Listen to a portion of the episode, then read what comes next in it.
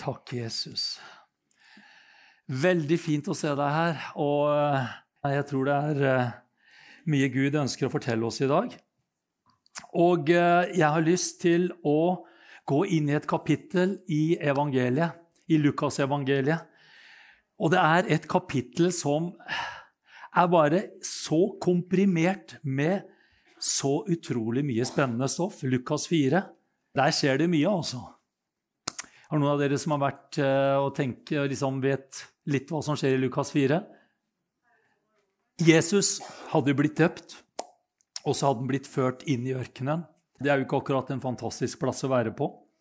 Og der møtte han i tillegg djevelen, som kom med mange slags fristelser. Jesus eh, verken åt eller eh, tok imot noe føde der i 40 dager. Jeg lurer på hvordan jeg hadde sett ut da. Eh, men sånn, eh, sånn, var det. Han sto imot djevelen. Og når han kom ut av den ørkenen der, så kom han ikke som en sånn geléklump, slapp og sliten, dratt og trøtt. Men han kom ut av denne ørkenen full av Guds kraft. Amen. Altså, Det er så imot against all odds. Det var så lite menneskelig, det. Jesus bare kommer ut der. Og han bare stråler av noe eh, fra himmelen. For det står i vers 14 i åndens kraft. Altså, det er bare så sterkt. Han hadde ikke så veldig mye igjen av seg sjøl der, men i åndens kraft vendte Jesus tilbake til Galilea. Og ryktet om ham nådde ut over hele landet der omkring.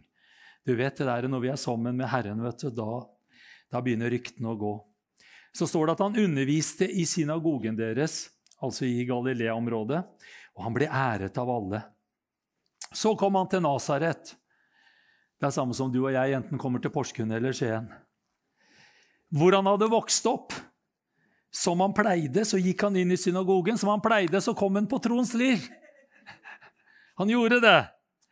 Du vet at Jesus satte seg ikke hjemme i Nasaret og så sa han Gud. Og jeg bare kjenner etter om jeg skal på, på troens liv, at jeg skal på synagogen i dag. Og Herre, bare gi meg en lyst og en glede. Nei, han gjorde ikke det. Han bare gjorde som han pleide. Og sånn er det med oss, vet du, Stian, vi som trener og sånn. Vi har kommet inn i en god vane.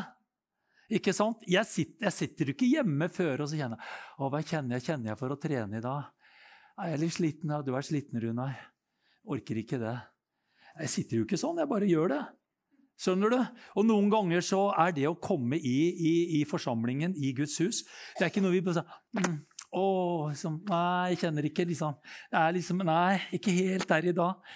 Jeg sliter litt i livet. Ja, da skal du i hvert fall komme. Jeg kjenner meg litt sjuk. Ja, kom i Jesu navn. Skjønner du?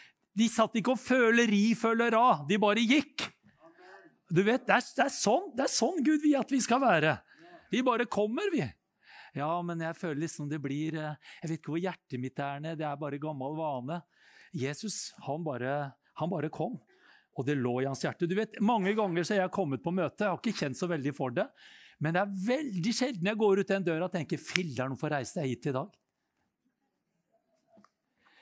Fordi at vårt kjøtt vil aldri prise Gud, aldri please Gud. Det vil leve sitt eget liv. Men det der at vi bare tar sånne enkle bestemmelser, det ligger noe der. Og jeg har sagt det hundre ganger. Jeg har aldri møtt en skikkelig brennende, overgitt, radikal kristen som ikke regelmessig går i en synagoge, holdt jeg på å si. Ikke går i en menighet eller kirke. Det er viktig, amen, for det gjør noe med oss. Jeg gikk på mange møter når jeg var liten. Jeg skjønte ikke en bær av hva de sa, men det gjorde noe med meg. Amen. Fikk det inn i blodet. Altså, det var ikke det jeg skulle preke om. Det var sikkert noen som trengte å høre det da. Jeg har så mye på hjertet i dag, skjønner du, så jeg har ikke tid til å stoppe sånn. Men Og han sto fram og leste. Du vet at uh, Tempelet var jo det plassen hvor jødene hadde sin gudstjeneste. Men så opplevde jo jødene bl.a. Eh, i diasporaen, hvor de ble spredt for på å si alle vinder inn i det babylonske riket. Så kunne de ikke bare ta, ta tempelet med seg på ryggen inn i det babylonske riket. Men der, for at de skulle få opprettholdt gudstjenestene, så bygde de mange synagoger der i Babylon. Tempelet det var i Jerusalem, men der begynte de å bygge synagoger. Eh, de holdt heller ikke noen ofringer, det var også forbeholdt tempelet. Men der hadde de bønn og opplesning av Skriften. Og synagogene eh, Jeg fant ut at eh, i Gamletestamentet så finner du ordet synagoge bare én gang. Men på Jesu tid så var det mange synagoger. Det var mange titalls synagoger også i Jerusalem og, og, og overalt. Jeg syns det er litt sånn spennende, fordi at uh, du kan tenke deg I synagogen du, der hadde de sånne karismatiske, impulsive møter. Men vet du hva? Det var ganske hva skal jeg si, De var, de var trauste møter i synagogen, stort sett. Vet du hvorfor det? For de var så opptatt av opplesning av Skriften og bønnen. De leste Guds ord, og vet du hva de leste? Jeg bare synes det er litt sånn artig, Dette er en liten parentes, men du får det gratis her i dag. Det første som, eh, som eh, denne gudstjenesten starta med, det var at eh, de begynte å lese fra 5. Mosebok, kapittel 6, 4-9. Hør, Israel! Herren vår Gud, Herren er én. Du skal elske Herren din Gud av hele ditt hjerte, av hele din sjel, av all din makt. Tenk på sånn starta de hver gang. Litt sånn spennende. Å, jeg lurer på hva predikanten har på hjertet i dag. De visste hva som kom. Disse ordene jeg befaler deg i dag, skal forbli i ditt hjerte. Du skal lære dem videre til dine barn. Du skal lære dem videre til dine barn dem, og du skal tale om dem når du sitter i ditt hus, og når du går på veien, og når du legger deg, og når du står opp. Og du skal binde dem som et tegn rundt hånden, og de skal være som minnesedler mellom dine øyne. Du skal skrive dem på dørstolpene til ditt hus og på dine porter. Og da bare fant jeg et sånn herlig bilde. Har noe som eh, Alle vet hva teffelin er? Nei da, jeg bare tuller.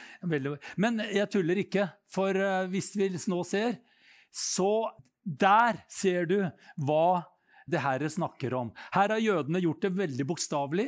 De har to sorte bokser. Oppi der så ligger bl.a. det skriftstedet jeg sa nå. Der lå også 5. Mosebok kapittel 11 vers 13-21. Oppi den boksen du ser han har på armen, og den han har på panna si. Det kalles teffelin. Og jeg synes det var bare så, det bare talte så til meg, det bildet der. Spesielt også i den tida vi nå lever i og se at eh, der står det en eh, israelsk soldat. Og dette hadde de på seg når de ba. Og Det er en sånn spesiell måte du binder og surrer alt dette på. Men inni disse sorte boksene der er Guds ord. Jeg tenker, vet du hva? Dette, altså dette sitter i den åndelige ryggmargen til, til, disse, til disse menneskene.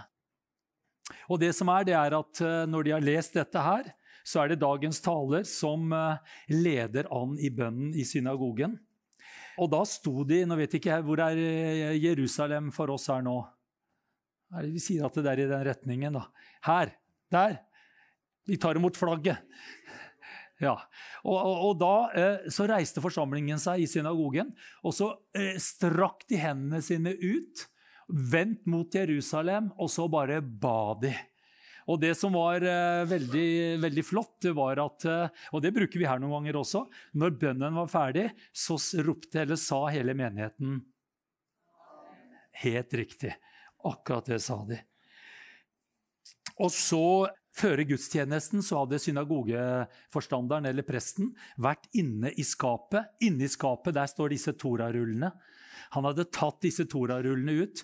Og, og, i synagogen så var det en stor pult de kalles lesepult. Og så rulla da synagogeforstanderen ut dagens tekst, sånn at den lå klar eh, når møtet skulle begynne.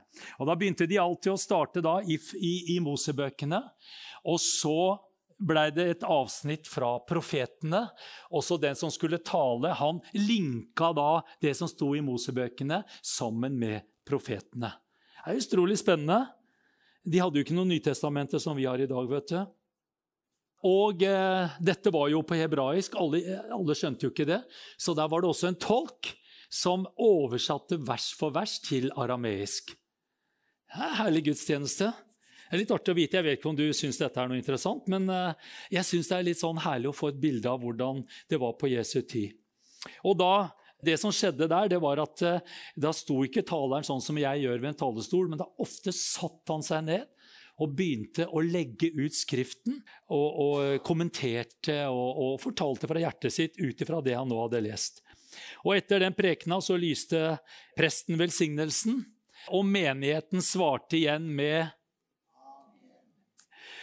Hvis ikke det var noen prest til stede, så ble det bedt en bønn til avslutning, og menigheten sa det, det er så tamt at det er Altså, kan vi Da menigheten sa! Amen. Sånn skal det låte. Jeg tror Jesus hadde dratt en to og tre på den. altså. Han vil jo ha en skikkelig 'amen', la det skje. Ok. Det, det, det, var litt av, av, gudstjenesten i synagogen. Tilbake til Lukas 4. Så ga de Jesus profeten Jesajas bok. Husk, det var ikke en bok, det var en rull som var rulla ut. Da han hadde åpnet boken, eller rullen, så fant han stedet hvor det står skrevet. Herrens ånd er over meg, for han har salvet meg til å forkynne evangeliet for de fattige. Han har sendt meg for å helbrede dem som har et sønderknust hjerte. For å rope ut frihet. Altså, det er ikke å hviske borti et hjørne, men Jesus var salvet til å rope ut frihet for de fangene, og for at blinde skal få syn igjen, og for å sette undertrykte i frihet. Og så sier han videre, for å rope ut et nådens år fra Herren. Og så stopper han. Og det Jesus da leste fra når han sto i, i, i, i synagogen der i Nasaret, i Galilea, så leste han fra profeten Jesaja. Og det var ikke kapittel sånn som vi gjør det da, men vi kan si fra kapittel 61 begynte eh, Jesus å lese. Og så kommer han, og så stopper han eh, å rope. Rope ut et nådens år. Men hvis vi går tilbake til Jesaja 61, så står det noe mer. For da står det 'Og en hevnens dag fra vår Gud'. står det. Og spørsmålet var hvorfor fulgte Og det var også, også, til å trøste alle sørgende. Men hvorfor fulgte ikke Jesus opp? Hvorfor stoppa han midt i et vers? Og så stoppa han der, og så bare sa han 'rope ut et nådens år'. Og så stoppa han, og så ble det ingen hevnens dag fra vår Gud. Hvorfor stoppa Jesus midt i setningen? Fordi at han visste at når han kom, hans første komme Han kom som et lite barn, han kom som et menneskebarn. Så visste han at han var kommet med nåde og frelse for menneskene. Halleluja. Han visste at hans første komme det var et nådens jubileumets år. Hvor det skulle ropes ut frihet for de fangene, syndenes tilgivelse og domsavsigelse. Amen. Jesus visste at han skulle komme igjen en annen gang. Da kunne han sagt en hevnens dag fra vår Gud. For da kom oppgjørets time hvor menneskene skulle sone for de valg de hadde tatt om å følge Jesus eller ikke. En gang skulle alle mennesker, og det her er så alvor i evangeliet, kjære venner En dag skal alle de som ikke har tatt imot Jesus, innenfor Guds domstol og få sin straff. Det er alvoret. Men Jesus visste at når han sto der nede i synagogen, i i, eh, i, eh, i Nasaret, så stoppa han på akkurat der han skulle. Amen. Halleluja. Fordi Jesus kom ikke som en hevn ifra Gud. Er du glad for det? Gud, Jesus kom ikke som en hevn ifra Gud. Han ble ikke sendt for å dømme, han ble sendt for å frelse. Om bare det kunne falle ned i alle kristne, så hadde ting blitt så mye bedre. For da blir du ikke forvirra. Hva mente Gud med det, og hva mente Gud med det, og hva mente Gud med det? Altså, Det har blitt litt bedre i kristenheten i Norge, men det ligger så på lur. Fordi at vi tenker 'Å, nå gikk det litt skeis. Nå gjorde jeg noe gærent. Nå sa jeg noe feil. Nå gjorde jeg en synd.' Og så skjer det, så får du en sånn utrolig sterk influensa. Så tenker du 'ja, ja'. Jeg fortjente vel den. Ja, det var sikkert fordi at jeg gjorde et eller annet. ikke sant? Det ligger oss så nært. Så misforstår vi dette her. Men husk, hvis du bare får det litt sort-hvitt Jesus kom for å frelse, ikke for å dømme. Punktum finale, ping-pong! Glory Jesus. Nå skal jeg få noen bibelvers her. Ja, du, du må ha noe bibel. Er, Jesus brukte Guds ord mye. I juleevangeliet kom det en engel til en forfjamsa ung mann ved navn Josef. I Matteus 1,21 så sier han sier engelen til, til, til, Josef. Hun skal føde en sønn, og du skal gi ham navnet Jesus, for han skal dømme sitt folk nord og ned på grunn av deres synder. Det står jo heldigvis ikke det. Det står for han skal frelse sitt folk fra deres synder, står det. Amen. Det er et helt annet utgangspunkt. Altså Noen ganger så tenker vi at Gud går med lys og lykt og lupe for å finne alt som er feil og mørkt og gærent. Ah.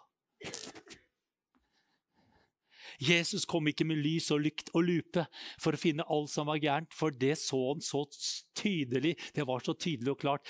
Men han hadde en helt annet blikk. Han så hvor er muligheten for frelse, gjenopprettelse, frihet, helbredelse. Det var hans fokus.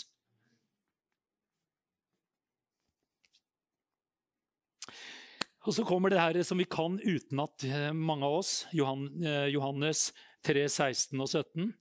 Jeg skal ikke spørre deg nå, Gunnar. ja, nå satt du klar med mobilen. Du sitter og trykker febrilsk du nå. Å, jeg bare setter deg fri. Amen. Ja, det er klart, det. Jeg heter Bjørn Gunnar i tillegg. vet du da. Men hør nå. For så høyt har Gud elsket alle kristne for så høyt har Gud elsket hva da? Jeg holdt på å si i all verden. Altså, Gud klarer å elske verden.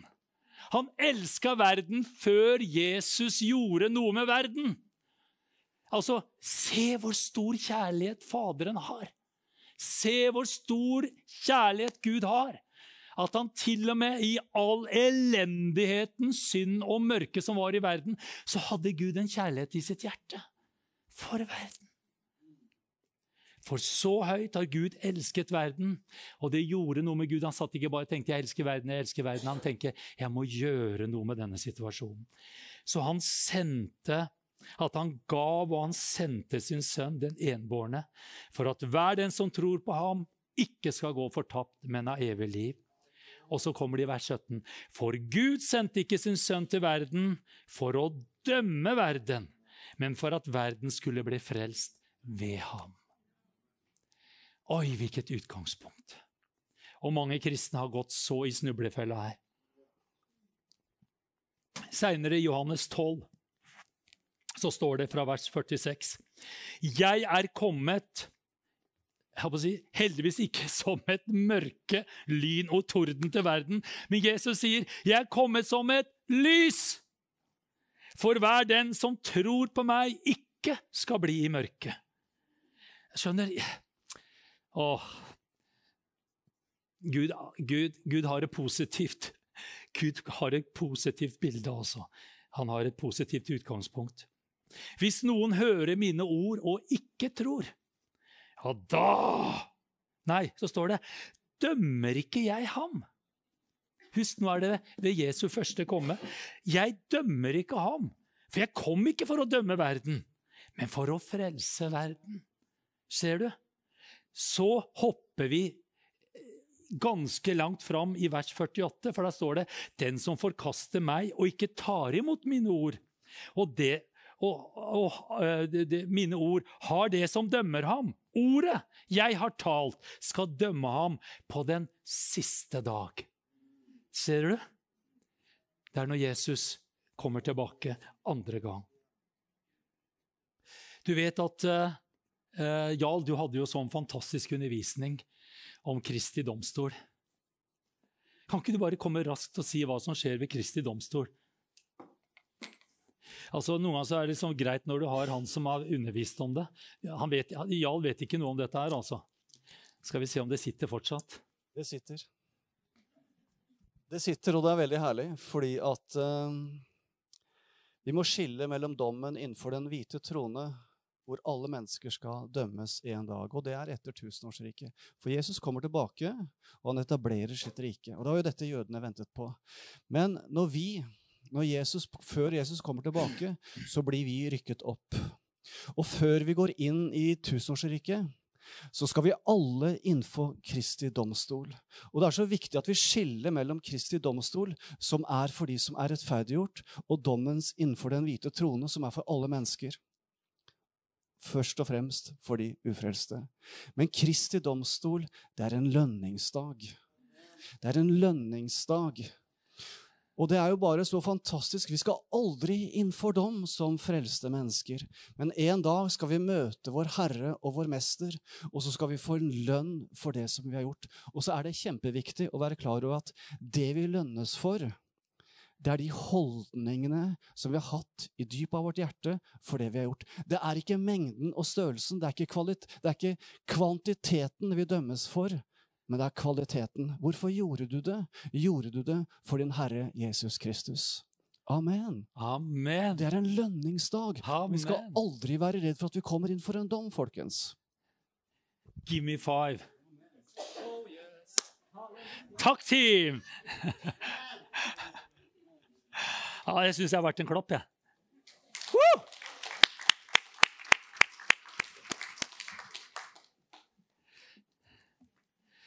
Åh, er ikke dette bra? Er ikke dette frigjørende? Jeg bare tenker, Tenk om jeg kunne hørt det som en ung gutt! Hvor mye ekstra slit og, og ørkenrunder jeg kunne ha svart meg for. Åh, oi, oi, oi, oi. Du vet eh, Ja, jeg fortalte det før. Jeg var jo livredd for Jesu gjenkomst. Jeg blei jo frelst 10-15 ganger i løpet av en dag. Tilfelle. Jeg hadde jo ingen forståelse av Guds rettferdighet og Guds nåde over mitt liv. Det var søndagsskolelæreren. vet du, Han mente det så vel, han gjorde det så feil. Tegna dette hjertet på denne hvite flippover-arket med en rød, vakker tusj. Og så tok han fram denne stygge, øglige, feite, ekle, sorte tusjen. Og så sa han, 'Men så gjør du en synd.' Og så gjør du en synd til. Og så gikk det ikke mange sidene før, så var det bare Søndagsskolelæreren gikk berserk på flippoveren. Og det hele hvite hjertet ble sort, sort, sort. Og sånn var det. Så du vet at jeg hadde jo en sånn, ja, jeg brukte det for alt det var verdt òg. Så hadde jeg gjort en liten synd, så tenker jeg nå er det kjørt, så jeg kan like godt kjøre på. Du skjønner, det, det blir strategien og tankegangen. Fordi at ja, det er for svart. Og så kjører jeg på, og så blir jeg frelst på kvelden før jeg legger meg. Og så sikrer jeg meg ikke sant, og ber Jesu blod, og det var veldig sånn Og tilgi min synd, og jeg gikk gjennom alt sammen. ikke sant? Eh, du skjønner, Djevelens strategi er så pervertert. Og hva er det det gjør? Det jo, jeg, blir så, jeg blir jo bare opptatt av synd og elendighet. Jeg har jo ikke tid til å prise Jesus, for jeg har jo nok med å redde meg sjøl og, og komme til himmelen hver dag. Det er sånn djevelen driver på. Han lurer oss sånn at vi får blikket vekk fra det som er det viktige og essensielle. Så holder vi på å rote ned ei gryte. du vet.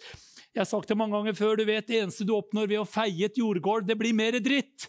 Og Her driver kristne, og de feier og de børster og de feier og de børster og de vasker seg, og det er bare mer møkk som blir resultatet av det istedenfor å se sin rettferdige posisjon av bare nåde innenfor den levende Gud. Amen. Renset i Jesu blod.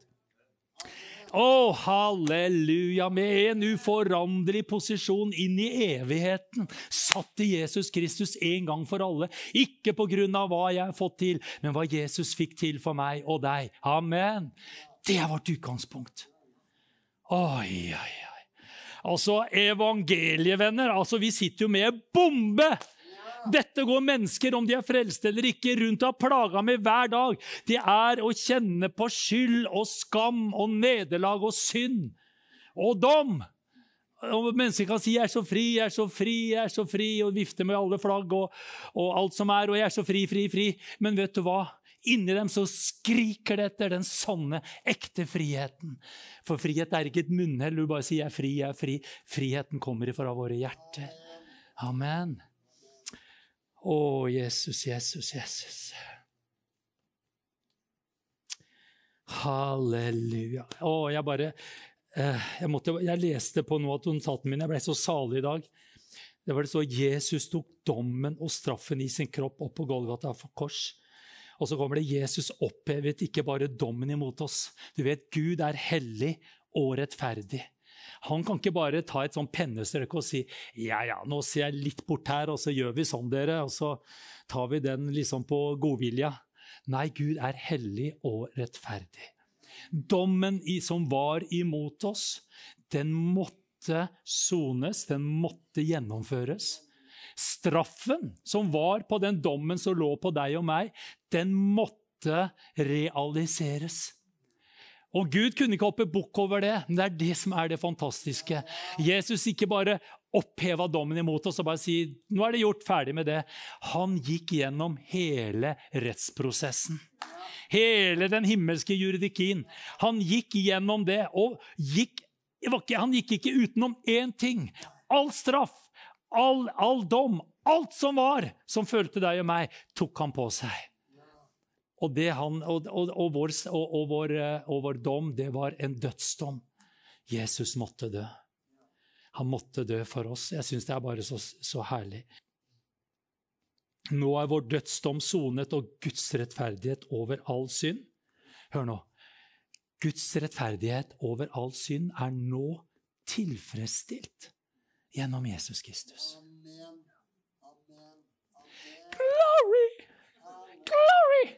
Altså, Bare det jeg leste nå Du skulle vært så glad. Du, sånn som Henning. Skulle rulla litt opp og ned midtgangen, så glad skulle du bli. Fordi Gud er tilfredsstilt gjennom Jesu fullbrakte verk på Golgata kors. Hans soningsoffer roper gjennom alle evigheter. Det er et blod som er og taler vår sak innenfor Faderen i himmelen akkurat nå. Og den taler frihet! Frihet! Syndfri, hellig, rettferdig himmelen verdig. Blod, Jesu blod taler over vårt liv i dag. Amen. Halleluja. Ja, men jeg gjør noe del gærent, og det er sånn og sånn. Ja, men du skal vite det. Gud er tilfredsstilt gjennom det ene evige offeret Jesus gjorde. Halleluja. Har Gud forandra seg i forhold til synd? Nei, så langt derifra. Han hater synden like mye som han gjorde i Treet og andre Mosebok. Gud er uforanderlig Gud. Men det som har skjedd, det er at eh, dommen og straffen er blitt betalt. Og Gud så det, og han sa, 'Dette holder for Runar Vold'. Halleluja. Utgangspunktet er at Gud allerede er tilfredsstilt akkurat nå når det gjelder synd av det Jesus gjorde. Så utgangspunktet er hele verden frelst. Men vi skal ikke, hva heter den der læren om uh, For alle mennesker er frelst uansett. Predestinasjon, ja. Det får du ikke her også, det skal jeg love deg. Slipper ikke så lettvint unna, for å si det sånn. Men det er enkelt å ta imot denne tilgivelsen. ikke sant?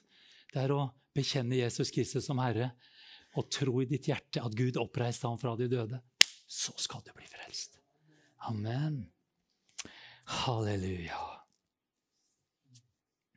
Å, det er helt underbart. Tida går litt for fort. Ehm, så blir jo spørsmålet da Ja, men Gud sender jo fortsatt sin dom og vrede over verden i dag. Han slår skikkelig til av og til. Gjør han det? Tenk litt på det. Jeg har fått noen bøker opp igjennom, jeg. Å, kjære Gud, altså. Slår fortsatt Gud med byller, pest, krig og plager. Men vi har en utrolig herlig fortelling i Lukas. I Lukas finner vi mye godt.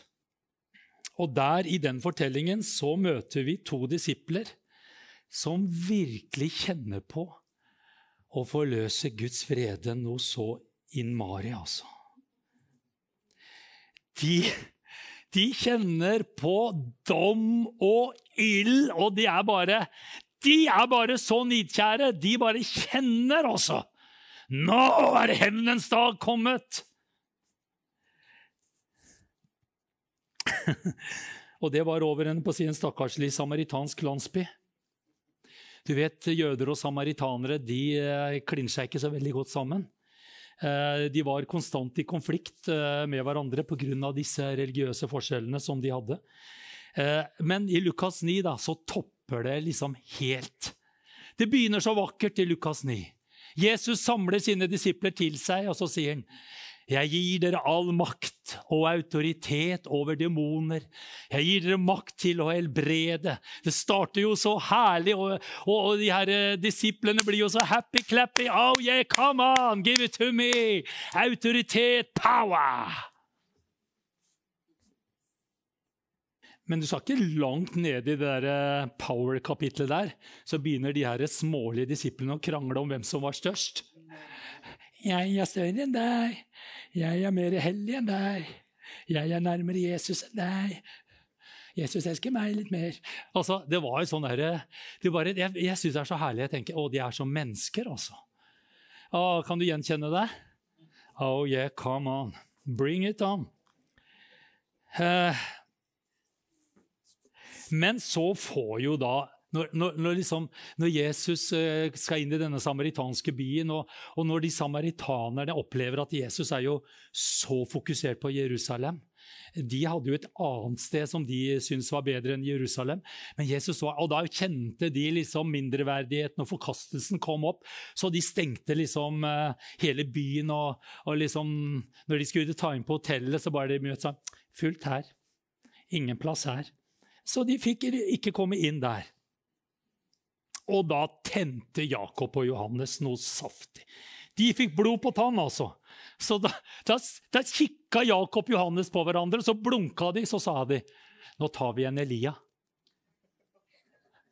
Nå tar vi en skikkelig Elia her, altså.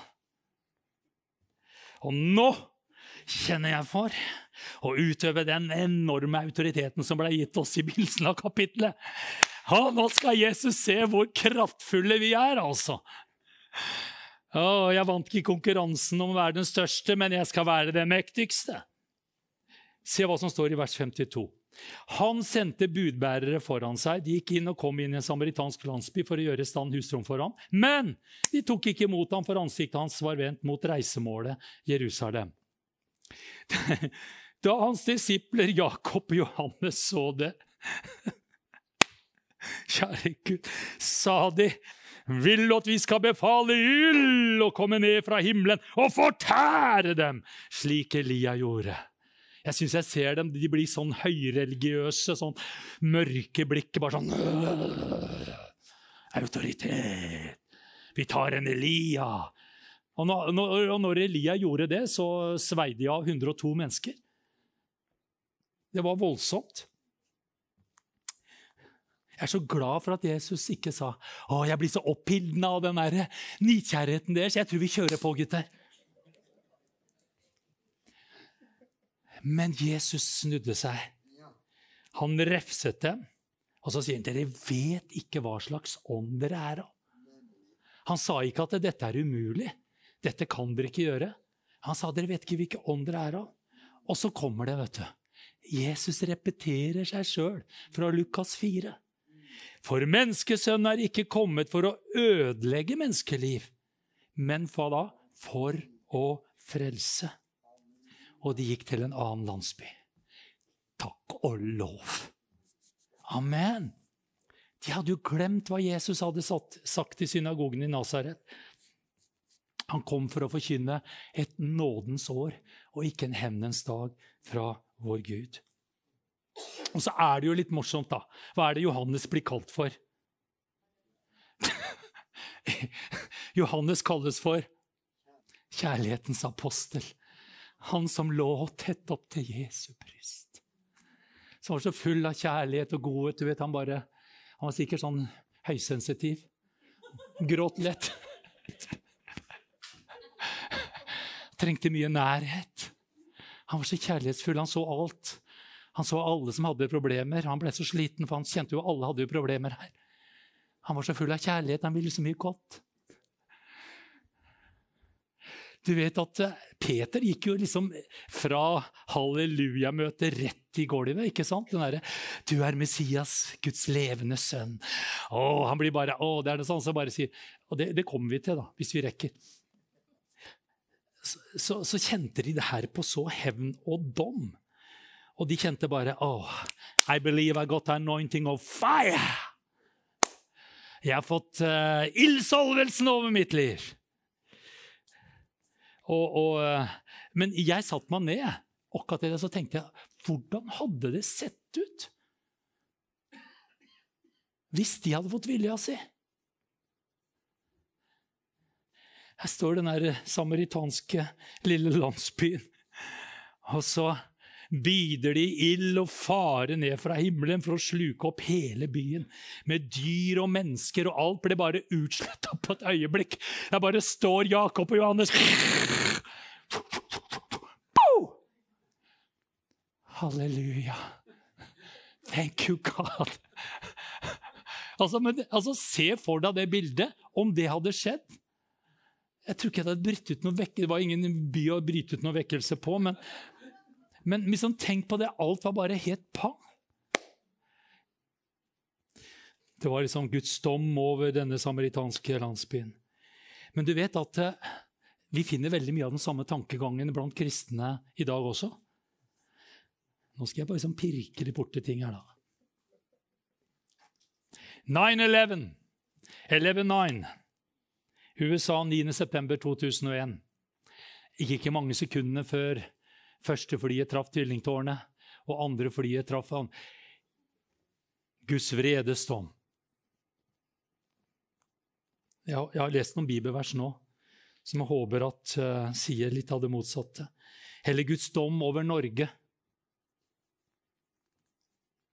Da 77 mennesker ble drept i, i regjeringskvartalet og på Utøya. Jeg er så utrolig glad, for jeg slipper å stå på en plattform og fortelle ja, det var Gud som holdt på med det. skjønner du. Han var så sinna på Norge fordi de hadde gjort sånn, og det var homolov, abortlov mot Israel og sånn og sånn, så da måtte Gud komme, og så straffa han Norge, og da drepte han masse unge ut på Utøya, så sånn blei det. Så eh, Gud, vet du, han er en uh, rettferdig Gud, og sånn, og er du ikke oppført deg ordentlig, så kommer han og tar deg. Er så glad for det. At vi har et annet evangelium å forkynne. At vi fortsatt lever i nådens og menighetens tidsalder. At vi fortsatt er i jubileumsåret. Det er som Åge Åleskjær alltid sa, det er påske, pinse og jul. Og hver eneste dag. Det er der vi får lov til å leve i dag. Jesus kom ikke for en hevnens dag over all synd og ugudelighet. Eh, ja, men, men, hvorfor skjer alt, det, alt dette her, da? Bibelen snakker om at verden ligger i det onde. Djevelen er fortsatt den samme. Han dreper og ødelegger menneskers liv. Og så, og så, vil jeg også si menneskene er også fortsatt de samme. Og, og Noen ganger så trenger vi ikke djevelens hjelp for å gjøre mye rart. I mennesket så er det et kjøtt, en egoisme, som klarer å få dette her til. Ja. Thank you. Djevelen, kjøttet og synden klarer utmerket det på egen hånd. De trenger ikke Guds hjelp. Hvis du forstår. Ja. De trenger ikke Guds hjelp. Oi.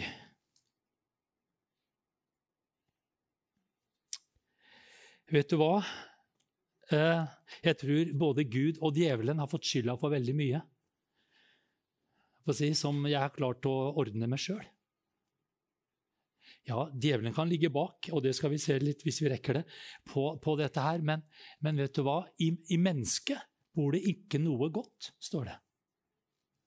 I mennesket i seg sjøl ligger det ikke noe godt. Det er egoisme, det er eh, begjær, det er eh, tilfredsstille meg, se meg, altså alt. Det er, det er enormt, altså. Uh, uh, og mennesker kan gjøre utrolig mye. Og jeg syns det som står Jeg skal uh, nesten avslutte med det. Det som står i Matteus 16. Og Det, det blei liksom så tydelig for meg. For der står det fra vers 21 Fra den tid begynte Jesus å forklare for disiplene sine at han måtte dra til Jerusalem og lide, lide mye av de eldste, øverstepresten og de skriftlærde, og at han skulle bli slått i hjel og bli oppreist på den tredje dagen. Og så kommer det. Da husker jeg at da har Peter vært og strålt ikke sant? og fortalt hvem Jesus var og er. Da tok Peter ham til side. Han var fortsatt i salvelsen. Og begynte å advare ham og sa, 'Gud bevare deg, Herre! Dette må aldri skje deg!' Men Jesus han snudde seg og sa til Peter, 'Gå eller vik bak meg, Satan.' Du er til anstøt for meg. Og så kommer det her som, jeg, som, har talt så mye til meg. For du har ikke sans for det som hører Altså, Det er ikke Peter han snakker om nå, nå snakker han om Satan. For du har ikke sans for det som hører Gud til. Og så kommer det bare det som hører menneskene til. I, I, en levende bok så står det verset sånn som her. Men Jesus vendte seg mot Peter og sa, 'Gå bort fra meg, Satan. Du forsøker å få meg til å synde.' For det du tenker, er mennesketanker og kommer ikke fra Gud. Altså, ser du altså Djevelen kan ikke operere i, altså Vi som er født på ny Djevelen har ingen tilgang til vår ånd. Den er besegla og forsegla med Den hellige ånd. Kan ikke røre den nye skapningen. Han kan ikke det. Har ingenting, men Han kan ikke operere igjen. Han kan ikke lure den nye skapningen. Den er fullkommen i Jesus Kristus. Men så kommer det mennesketanker. Der er djevelens arena. Og, og du vet det her, altså, Enten så kunne Peter si dette å, og det må ikke skje med deg, Jesus. Han kunne sagt det ut av frykt. Men hvis vi sier det at Peter kjente på Nei, Jesus, jeg elsker deg så høyt. Du betyr så mye for meg. Kanskje han sa det med en sånn innlevelse. Nei, Jesus, jeg bare advarer deg. Ikke gå dit. Vær så snill. Også, hvis han sa det på den måten, det vet vi ikke, men tenk om Jesus sa det, og disiplene står der. Og Jesus, Han virkelig sier det fra hele hjertet sitt, skjønner du. Hele følelsesregisteret det var ikke Johannes eh, høysensitiv, men det var Peter som gjorde så mye annet rart. Men nå var han helt der, også tårer i øynene. 'Jesus, det må ikke skje!' Og så svarer Jesus, 'Vik bak meg, Satan'. Det var en god mening, kanskje. Men det var mennesketanker. Skjønner du? Og det er der jeg tenker hvor mange ganger kan du og jeg bli lurt som kristne? For det kan være så velmenende, så fra hjertet, så fint. Men vi kan bli lurt. Jeg har kjent på fristelser. Jeg kjente for en del år siden. Ja, Nesten i starten jeg gikk inn som pastor her. Etter en liten periode der så kom det noen veldig herlige kristne, velmenende mennesker til meg og sa Runar, nå har du hatt det tøft lenge. Vi har bedt for deg. Og jeg, kunne ikke det være godt for deg å gjøre noe annet nå? Så kom Vi syns du fortjener å få det litt godt. Du har stått i dette trøkket, og vi har sett har vært så trofast. Jeg tror Gud ønsker at du skal hvile litt. Og jeg bare kjente Ja! Åh, hvilken kjærlighet, hvilken omsorg. Det var godt å høre. Jeg tenkte tanken sjøl.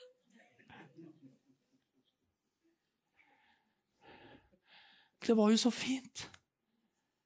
Men jeg kunne faktisk sagt til disse velmenende, gode menneskene Fikk bak meg, Satan! For du har ikke sans for det som hører Gud til bare det som hører mennesket til.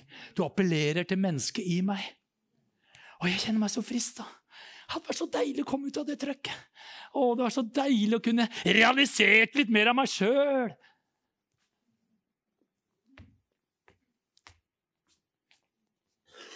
Som jeg sier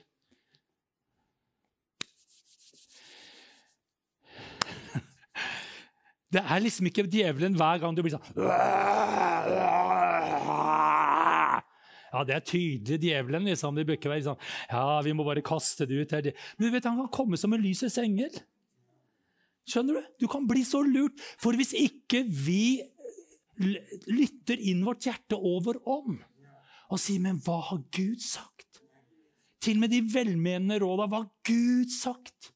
Ja, men jeg, kjente, jeg vet ikke mange mennesker som ja, men jeg kjente en sånn enorm fred. Ja, det er, ikke, det er ikke vanskelig å kjenne fred på noe som tar deg ut av trøkk og vanskelige situasjoner. Og, altså, jeg kjente jeg ble så fredfull, og jeg kjente gleden kom tilbake. Uh, du kjenner jo det hele veien, ikke sant? Å, det ble så lett da byrden falt av.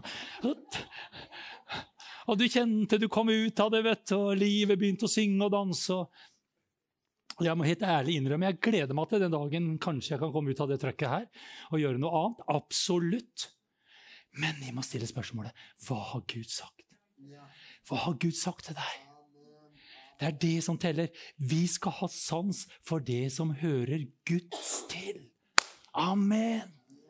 Da blir vi ikke lurt av alle velmenende råd og kjerringråd som kommer langs veien vår. ikke sant? Vi kan kjenne Gud velsigne deg. Og så kan vi rope bak bak meg, Satan! Gud velsigne deg. Så herlig å kjenne den omsorgen og hjertet du har for meg. Å, jeg kommer aldri til å lyde deg i Jesu navn. Og så bare står vi videre. Amen. Halleluja! Ja, men Jeg blir ikke ferdig, men, men uh, Som sagt mange ting som vi tenker, er jo bare Altså Når jeg hører ordet Ja, det er jo, det er jo litt menneskelig. Jeg skal finne ut hva Bibelen snakker om det. Ja, Gud elsker menneskene, husk det. Men mennesketanker og alt det som hører til, kan lede oss på så utrolig ville veier. Men i 2. Korinterne, siste jeg skal lese, 5.19 det var Gud og så leser jeg, jeg elsker Amplify, det vet du jo. Det var Gud som personlig til stede i Kristus, som forsonte, forlikte og gjenopprettet verden med seg selv, så han ikke tilregner dem deres overtredelser. Han har ikke behov for noe hevn! Og vet du hva? Den dagen Noah gikk ut av arken, så var det ikke en pridebue som kom opp. Men det var Guds regnbue som reiste seg som et paktstegn, for Gud sa, 'Aldri mer vil jeg forbanne jorden', sa han. Så, ikke, så jeg ikke tilregner dem, tilregner dem deres overtredelser. Og så kommer det motsvaret. Men han la ned i oss ordet om da forlikelsen og forsoningen, rettferdiggjørelsen, nåden. Halleluja om gjenopprettelsen til favør. Amen. Altså Vi skulle smilt fra det øret til det øret av glede og takknemlighet. Vet du hva? Dette er et så frigjørende budskap. La deg ikke lure. Amen. Det kommer en dag av dom, det kommer en dag av hevn. Jesus kommer tilbake. Men inntil da så forkynner vi det sanne og ekte evangeliet. Og så kan vi gjerne nevne at om ikke du tar imot Guds ord, så er det en plass for deg reservert et sted som vi Gud ikke ønsker. Det kalles helvete. Det skal vi aldri være for å ta i vår munn. Men det vi skal ha, vi skal tale om at han kom for å frelse. Han kom ikke med dom, han kom ikke med hevn. Halleluja. Halleluja. Oi, oi, oi. I dag har jeg rørt med mye. Treng, trenger mye vann.